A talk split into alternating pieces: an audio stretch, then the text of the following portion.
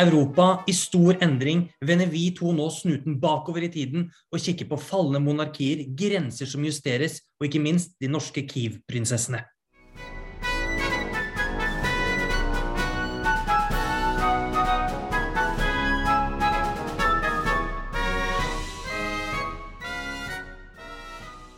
Velkommen, Ole Jørgen Schulzrud Hansen.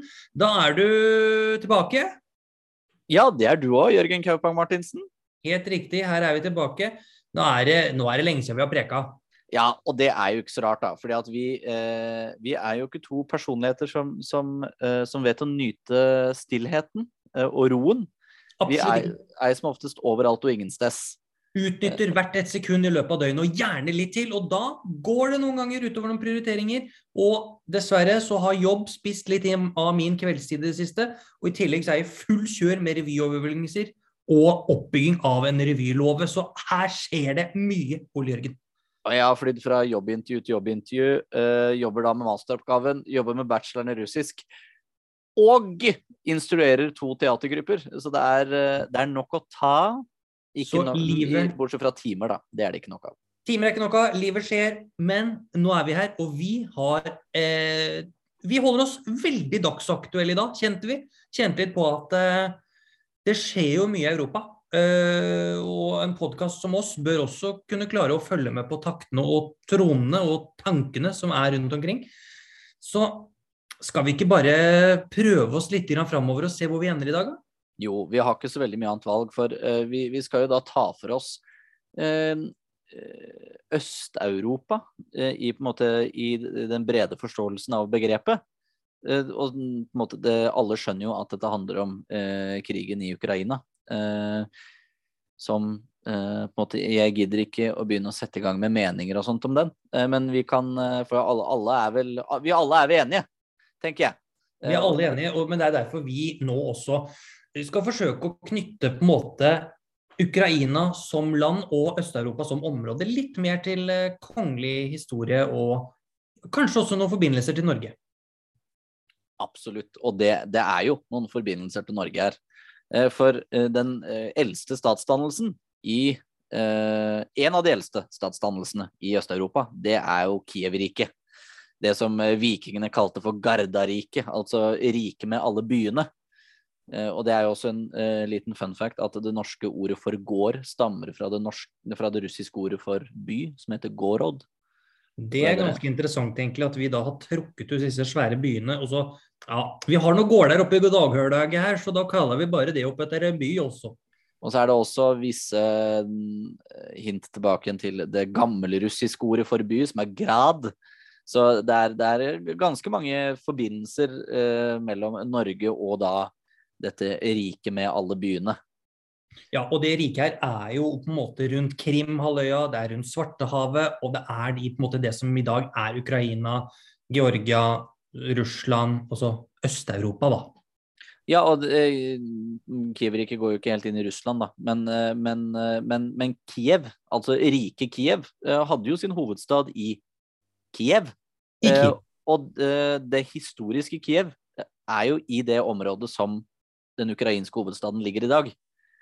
Men hvordan, hvordan er det vi egentlig er knytta oss tilbake til disse her? For vi er inne på vikinger nå, og det her er lenge tilbake. og Det er jo mange som har pugga norske kongerekker i mange år, det har ikke jeg. Eh, men jeg har hørt om et par av dem.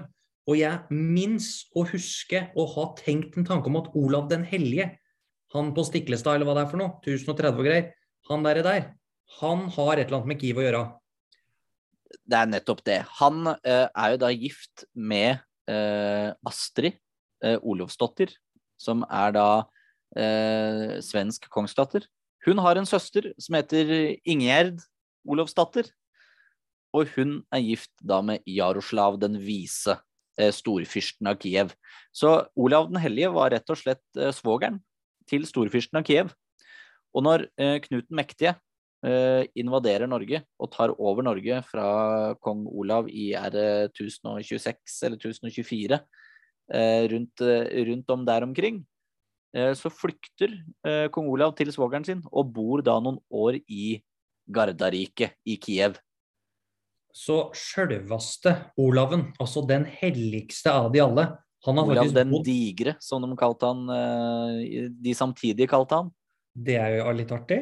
Han, opp, altså han var altså i Kiev da, i flere år, eller iallfall over en tidsperiode. Absolutt. eh, Og eh, det som er enda litt morsommere, er det at det er visse historikere som, eh, som um, følger Rurik-dynastiet tilbake igjen til norske vikinger. At eh, Rurik egentlig er eh, et slavifisert nordisk navn som ikke eksisterer lenger. Og da skal det sies at både eh, Oleg og Helga, eller nei, Oleg og Olga, som er, eh, har vært to eh, storfyrster og fyrstinner i Kiev-riket, eh, kom jo da fra, eh, fra Helge og Helga. Det er slavifiserte versjoner av det navnet.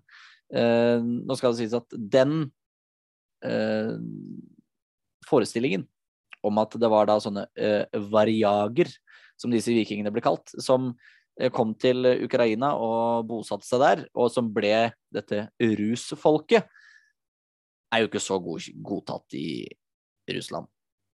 Nei, det er det jo sikkert ikke. da. Men sånn er det med alle historiske teorier, da. Det er på en måte, det er jo mange forskjellige, og det er en grunn til at det heter teorier. Man kan ikke vite 100% sikkert. Det er akkurat det, men vi vet jo på en måte at Olav den hellige på mange måter var flyktning egentlig da, i Kiev. Det er helt riktig.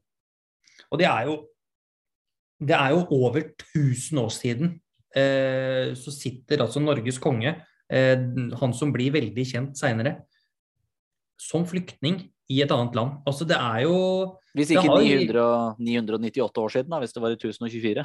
Hvis du skal være veldig flink på det, ja. Det er helt greit.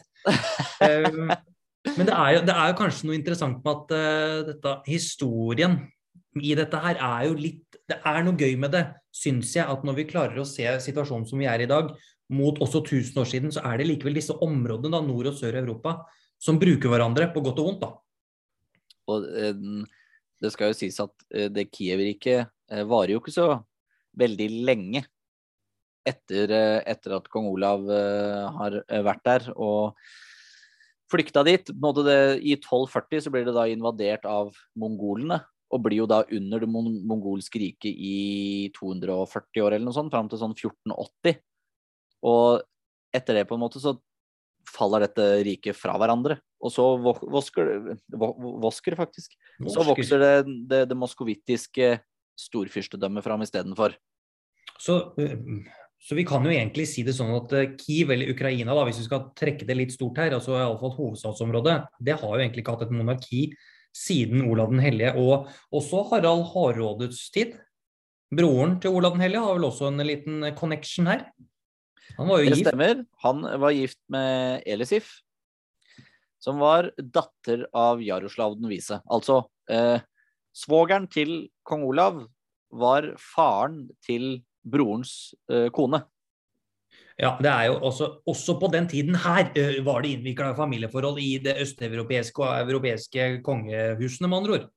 Jepp. Jeg har undervist eh, for en andre klasse på videregående i dag om eh, Habsburger-dynastiet, eh, så jeg har nok av prat om disse slektningene i huet og ræva.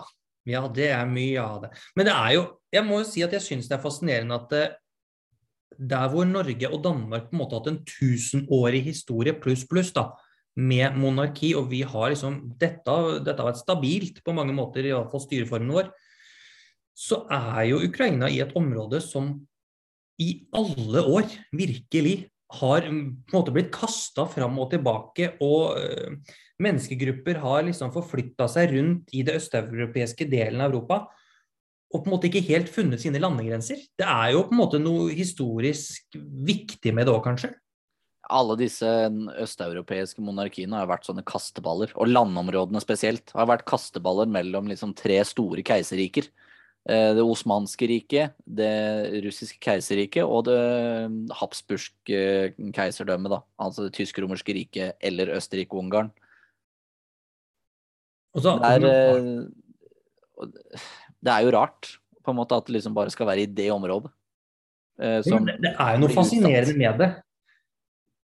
At når man da, hos oss, da, klarer på et vis å holde seg stabilt holdt jeg på å si stabilt sideleie ikke sant, i over 1000 år her, mens øst i Europa så er det nesten blitt tradisjon for at disse landområdene bytter styresmakter. Og også styringsform, selvfølgelig. Det er jo mange av de som ikke har hatt monarki på fryktelig mange år. Eh, og noen av de har jo ja, noen av de har hatt det fram til moderne tid, men det er jo ikke mange av de. Jeg har gjerne hatt sånt, en sånn liten periode med monarki tidlig på 1900-tallet, eh, liksom etter første verdenskrig. Da kommer disse monarkiene tilbake igjen for fulle, eh, fordi at alle disse statene da blir eh, nei, selvstendige igjen, da. Det er da Ukraina får sin første statsdannelse, sånn i navnet Ukraina, da. Eh, for det som vi googla oss fram til, så betyr jo det bare grenseland. Ja, eller utkant. Ja, utkant, grense Det er på en måte det. Det er jo fascinerende at man bestemmer seg for å kalle et land eller et helt svært område bare for er utkanten. Punktum. Ikke sant? Det er jo rart med det. Det er som da, da vi liksom kalte et sted i Norge for verdens ende. Det Bare kaller det for det vi Men det er jo øh som du sier, da, så er det jo på en måte det er jo tre hovedsakelig stormakter som flyttes rundt og danser rundt her. Men det skal jo sies at Norge har jo også en liten krigshistorie med Ukraina. Ja vel, fortell. Ja, vi skal jo til det herrens år 1700. Eh, og vi skal til den nordiske krig, Ole Jørgen.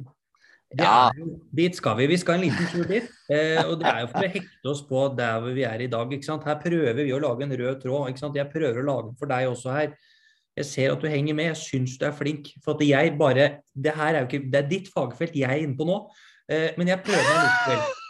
Jeg syns du, synes du er veldig bra, og så elsker jeg liksom litt sånne vage Segways. Det er det beste. Og det er jo Er det én ting vi har perfeksjonert i løpet av de snart tre-fire årene med podkast, så er det jo nettopp det ja, og jeg tenker jo at da Nå har vi liksom Vi har vært i Kiev-prinsessene, som vi gifter oss med og forsøker tilflukt hos. Mongolerne kommer, smack pang bong, ikke sant? de forsvinner, disse Kiev-prinsessene. Men så dundrer vi inn sammen med russerne eh, i Kiev, eh, eller i området Ukraina, på 1700-tallet. Eh, fra 1700 til 1721. Eh, og så er det jo da Hvem, hvem står på det, den annen side for å si det på den måten. Der står jo Sverige helt aleine. Karl 12. står aleine mot hva, hva, var det du Det var, det var Russland, Danmark-Norge eh, hmm? Saksen, også Tyskland. Saksen, eh, Polen og Altså var, hele Europa, egentlig, da. Ja, det var det, for å si sånn, det meste av de som øns, ønsket at Sverige skulle miste sin stormaktsstatus. Og det var i de fleste landene i Europa, egentlig. I hvert fall i Nord-Europa. Men da står jo, eh, under den store nordiske krig, så står jo det viktigste slaget står eh, i Ukraina eh, ved eh, Poltava. Eller Poltava. Jeg veit ikke hva som er helt riktig eh, trykk å ha. Men POLTAVA. P-O-L-T-A-V-A. Der har du den. Og det er jo akkurat i det slaget at Europa endres på det tidspunktet. Eh, Sverige faller jo som en stein. Fordi Sverige har vært en stor nasjon, altså virkelig en kongemakt i Europa på dette tidspunktet, slik jeg har forstått det. Eh, men ved dette slaget her så er Karl 12. rett og slett helt ferdig. Ja, det, det er begynnelsen på slutten for Karl 12. i 1709. At eh, da, og, og, på en måte begynnelsen på stormaktstida til Russland. Ja. For da tar de kontroll over hele Baltikum. Så det er jo Det skjer jo ting her, men det er jo interessant at hele Europa står imot mot Ukraina. I dag så er hele Europa står sammen med Ukraina. Kanskje har vi lurt oss sjøl, ikke sant, for 300 år siden. Kanskje har noen historikere vært inne og sagt at nå er det kanskje på tide å rette opp i feila vi gjorde på 1700-tallet, gutta. Jeg vet ikke, jeg spekulerer. Nei, men det er, det er sånn historien utvikler seg, på en måte. Du, en skipsreder Som en skipsreder ligger man. Ja, det kan du se. Men tilbake til dette her eh, Øst-Europa. Etter 1700-tallet. Eh, det går dårlig med Sverige, ikke sant? Sverige faller. Eh, og disse østeuropeiske landene ligger jo under disse store monarkiene som er innom Habsburg, altså Østerrike-Ungarn, Russland og Tyrkia, er det ikke, eller Osmanske riket, da. Det er disse som er de store og ja, de som har makt her. Men så Vi har jo konturene av disse monarkiene igjen i dag. Så absolutt. Det er jo fortsatt noen som mener at de er den rettmessige sultanen til det osmanske riket. Men det er de, de, disse monarkiene eh, På en måte alle de landene der har vært monarkier en eller annen gang. Liksom, du har det bulgarske storriket på 800-tallet. Du har, har uh, det serbiske riket med Karadjordjevic Eller nei, ikke Karadjordjevic, hva er det de heter for den? da? Ja, nå husker jeg ikke det i slengen. Uh, og så får du kongeriket Jugoslavia, og så faller alt sammen inn under det osmanske riket. Uh, og da så har du da Bøhmen, altså Tsjekkia, og Ungarn og deler av andre stater på en måte der som tilfaller Østerrike og Ungarn. Og så har du da Russland som prøver å, å, og ta på en måte Ved innflytelse, da. Ta de landområdene tilbake igjen. Fordi at uh, det er en teori om noe som heter det tredje Rom. Altså du har Roma i Roma, og så har du Konstantinopel-Roma. Og da Konstantinopel falt, da uh, kom uh, Moskva til å bli det tredje Rom. Altså det siste stedet hvor kristendommen på en måte har sin hovedstad, eh, og som på en måte skal beskytte kristendommen for alltid. da. Og det betyr jo da også alle øst, eller alle russisk-ortodokse slash ortodokse kristne da, i eh, f.eks. Serbia, som det er veldig mange ortodokse kristne. Men det er, jo, det er jo interessant at eh, Eller jeg syns det er fascinerende og interessant at eh, i all historie som finnes og fantes og eksisterer og ligger, så er det dette med at landegrenser og styresmakter bytter plass veldig mye hyppigere i Øst-Europa enn Vest-Europa. Vest-Europa er tilnærma rolig. altså det, jo, det, skjer jo ting selvfølgelig i Vest-Europa, og det vi innblander jo oss i Øst-Europa innimellom. Men det er så Tenk så mange kulturkrasjer som har vært på den delen av våre, det de kaller nærområder, da, disse politikerne våre. Altså Naboene våre de, har jo, de er jo vant til at det endres veldig mye på kort tid. Og så er det da sånn som vår gode venn Saren i Bulgaria. ikke sant? Han er jo på mange måter en figur fra noe som har stått støtt før, men som har falt og som har prøvd å bygge seg opp igjen. Og det samme med altså disse altså Kronprinsen i Serbia, Aleksander, er jo også på en måte en, en siste sten da, eh, i et svært murhus som har falt på mange måter. Og Ungarn òg. Der er det vel en litt, der har, der er det en litt sånn artig vri, er det ikke det? da? Jo, eh, til tross for at det er eh, en republikk, så har det vel en åpen trone. Eh, de hadde, hadde, i hvert fall det i, sånn, i perioden 1920 til 1944, hvor de da hadde en regent, men de hadde ikke en konge. Eh, fordi at eh, de ventet på den rettmessige arvingen til den ungarske tronen. Så Derfor sto tronen tom, men det var i navnet en, eh, en, en, et monarki, da. Akkurat sånn som kall det Spania under Franco. Tronen sto tom. Ja, bare at spanjolene har satt inn den etterpå, da. Ja, etterpå. Ja. Så, men det er jo, og så er det jo også, Hellas også skal jo nevnes her. Altså Hellas også er jo et land som absolutt har vært med på disse forflytningene av landegrenser og styresmakter. Og gjerne vært eh, en eh, del av både det ene og det andre eh, dømmet, holdt jeg på å si. Ja, for de har, de har dansa med alle tangoene. Ja, for, ja, de har dansa tango for tre, på si. Der er jo, de ligger jo et skjæringspunkt. Det er, det er nettopp det som er, er, er tilfellet med disse landområdene. At det er som midt mellom to vidt forskjellige interessesoner. Eh, litt sånn som Russland, som egentlig aldri har visst om de skal tilhøre Asia eller Vesten. Eh, og som det har ført til måte, det, det, det, er noe av grunnen til at eh, Nikolai falt, eh, altså den siste tsaren av Russland. Det var fordi at han selv heller ikke hadde klart å vedkjenne seg hvilken del eh, de skulle tilhøre, da. Ja, og så er det jo, Hvis vi trekker oss sjøl helt fram til 1900-tallet nå, som så, så, ser vi jo at i Europa så knyttes jo de nordeuropeiske og vesteuropeiske kongedømmene veldig tett sammen øh, ved hjelp av slektsbånd. Men det samme skjer jo egentlig i øst. Men på en litt annen måte. Det er jo samme familien, men gjerne litt sånn lenger ut i slektsledda, de som blir gifta bort i øst.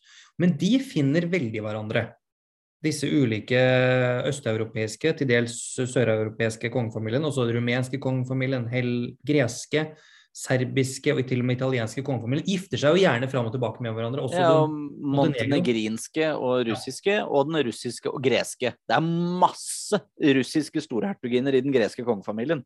Og det også er interessant, syns jeg Nå skal vi jo ikke si her at det er enkeltpersonene eller familieforholdene her som avgjør storpolitikken i Europa, for det er det ikke. Men de, Ikke nå lenger, iallfall. ikke nå lenger, men de har jo virkelig hatt en rolle. Og det er jo da fascinerende å se at de som satt i nord og vest og gifta seg på en måte litt hyppigere med hverandre der, de holdt stand, hadde en fredeligere tone. Mens disse østeuropeiske kongehusene som gifta seg også med hverandre der, eh, har falt, alle sammen. Det er, det er, vel egentlig ingen igjen i hele Øst-Europa nå. Ikke en eneste.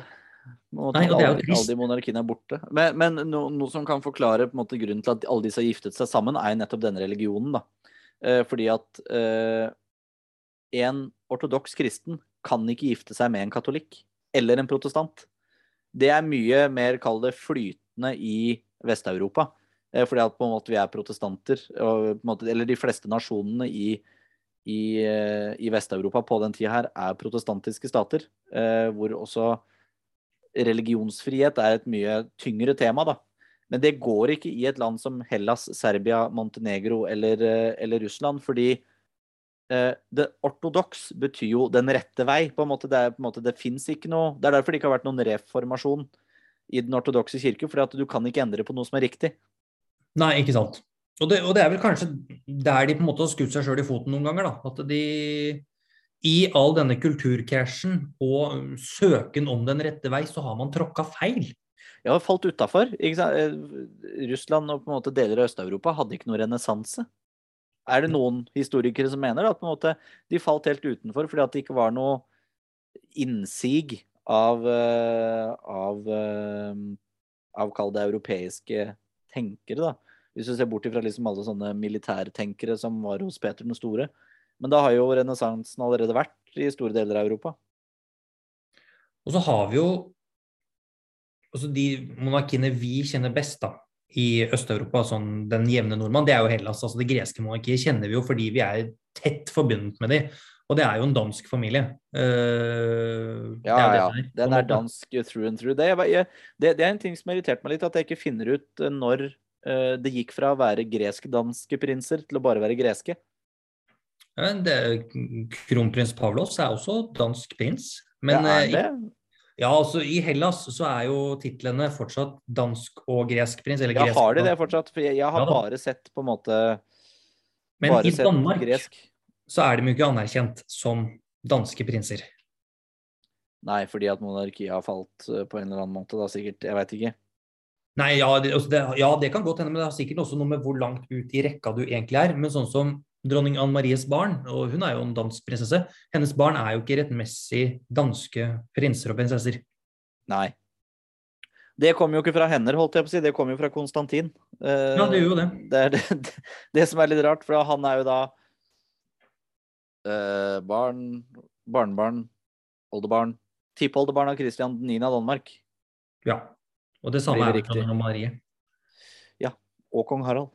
Kong Harald. Ja, for det, ikke sant? De, de er knytta sammen, og det er kan Litt sånn teoretisk, det kan hende det er også derfor at det greske monarkiet er det siste som faller.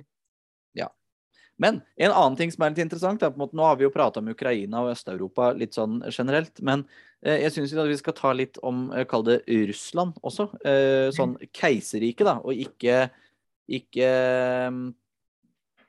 eh, keiserriket og ikke mm, herregud da, eh, staten nå, på en måte.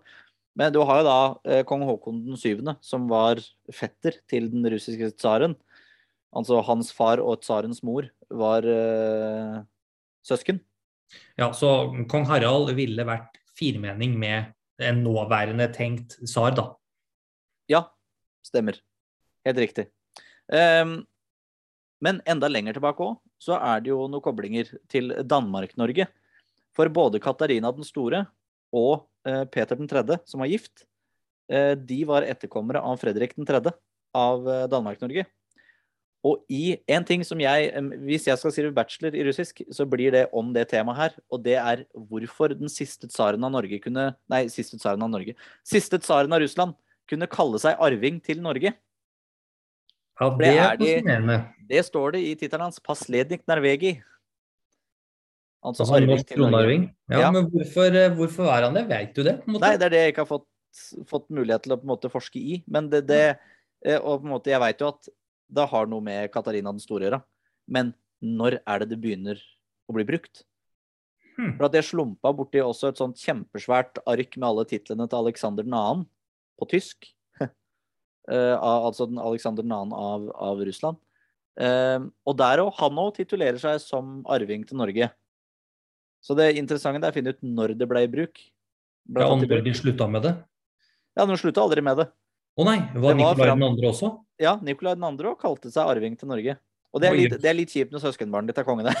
Ja, det er litt sånn nesten frekt, egentlig, syns jeg. Ja. da. Det får være greit, da. Men de har jo flere koblinger. altså Det danske prinsessen Dagmar også var jo gift inn i det Ja, ja, ja. russiske imperiet. Helt riktig. Men, eh, men hun var jo ikke en arving til Norge. Nei, det var hun jo ikke. Så Men likevel en jeg, kobling. jeg òg har tenkt tanken flere ganger, men på en måte det faller ikke, det faller ikke sammen. Nei, rett og slett. Men det er så På et sett og vis, eller på sett og vis og på mange måter, hvis man skal si det på den måten, så har jo Norge en over tusenårig, tusenårig lang historie med Kiev. Ja. Og egentlig på en måte blanda seg litt borti eh, i tide og utide. Eh, og også gjennom da disse familieforholdene på mange måter vært knytta til iallfall de som har regjert eller styrt i områdene rundt Ukraina, eller ukrainske landområder som nå er Ukraina, som tidligere har vært andre eh, staters arealer. da. Og Norge var mye mer vendt mot, eh, mot Balkan og Øst-Europa. Eh, nei, Balkan, sier jeg. Baltikum. Og Øst-Europa. Eh, før de på en måte fant sjøveien til England. Eh, på en måte Først så drev de jo raida og plyndra i, i, i Baltikum. Eh, og så fikk de jo da diplomatiske forbindelser til Kiev-riket. Ja. Det er jo også, ja, vi har jo vært bad guys, da, for å si det sånn, for tusen år siden. Ja, litt sånn. Vi, men Litt sånn. noen svin skal man ha på skauen, tenker jeg. Ja, litt, men ikke for mye, da. Nei, ikke, ikke for mye. Det, det blir ikke bra. Da hører jo griselyder hele, hele natta. Det orker vi ikke. Sja Nei, men Så, men, det, er, eh, ja, det er interessant. Det er rett og slett det er fascinerende at vi i 2022, eh, i en, et Europa som faktisk endres mens vi sitter og snakker, klarer å knagge Norge til dette området i Europa gjennom 1000 år. Det er langt unna, men likevel så nære. Ja, og det er jo naboen til naboen. Det er som at vi bor i nummer to, og den bor i nummer åtte, liksom. Det er ikke lenger unna. Og med de visdomsord så vil jeg takke for følget. Jeg heter Ole Jørgen Sjølsrud Hansen. Og jeg heter Jørgen Kaupa Martinsen, og da har vi bare én ting til å si. Vi lyttes.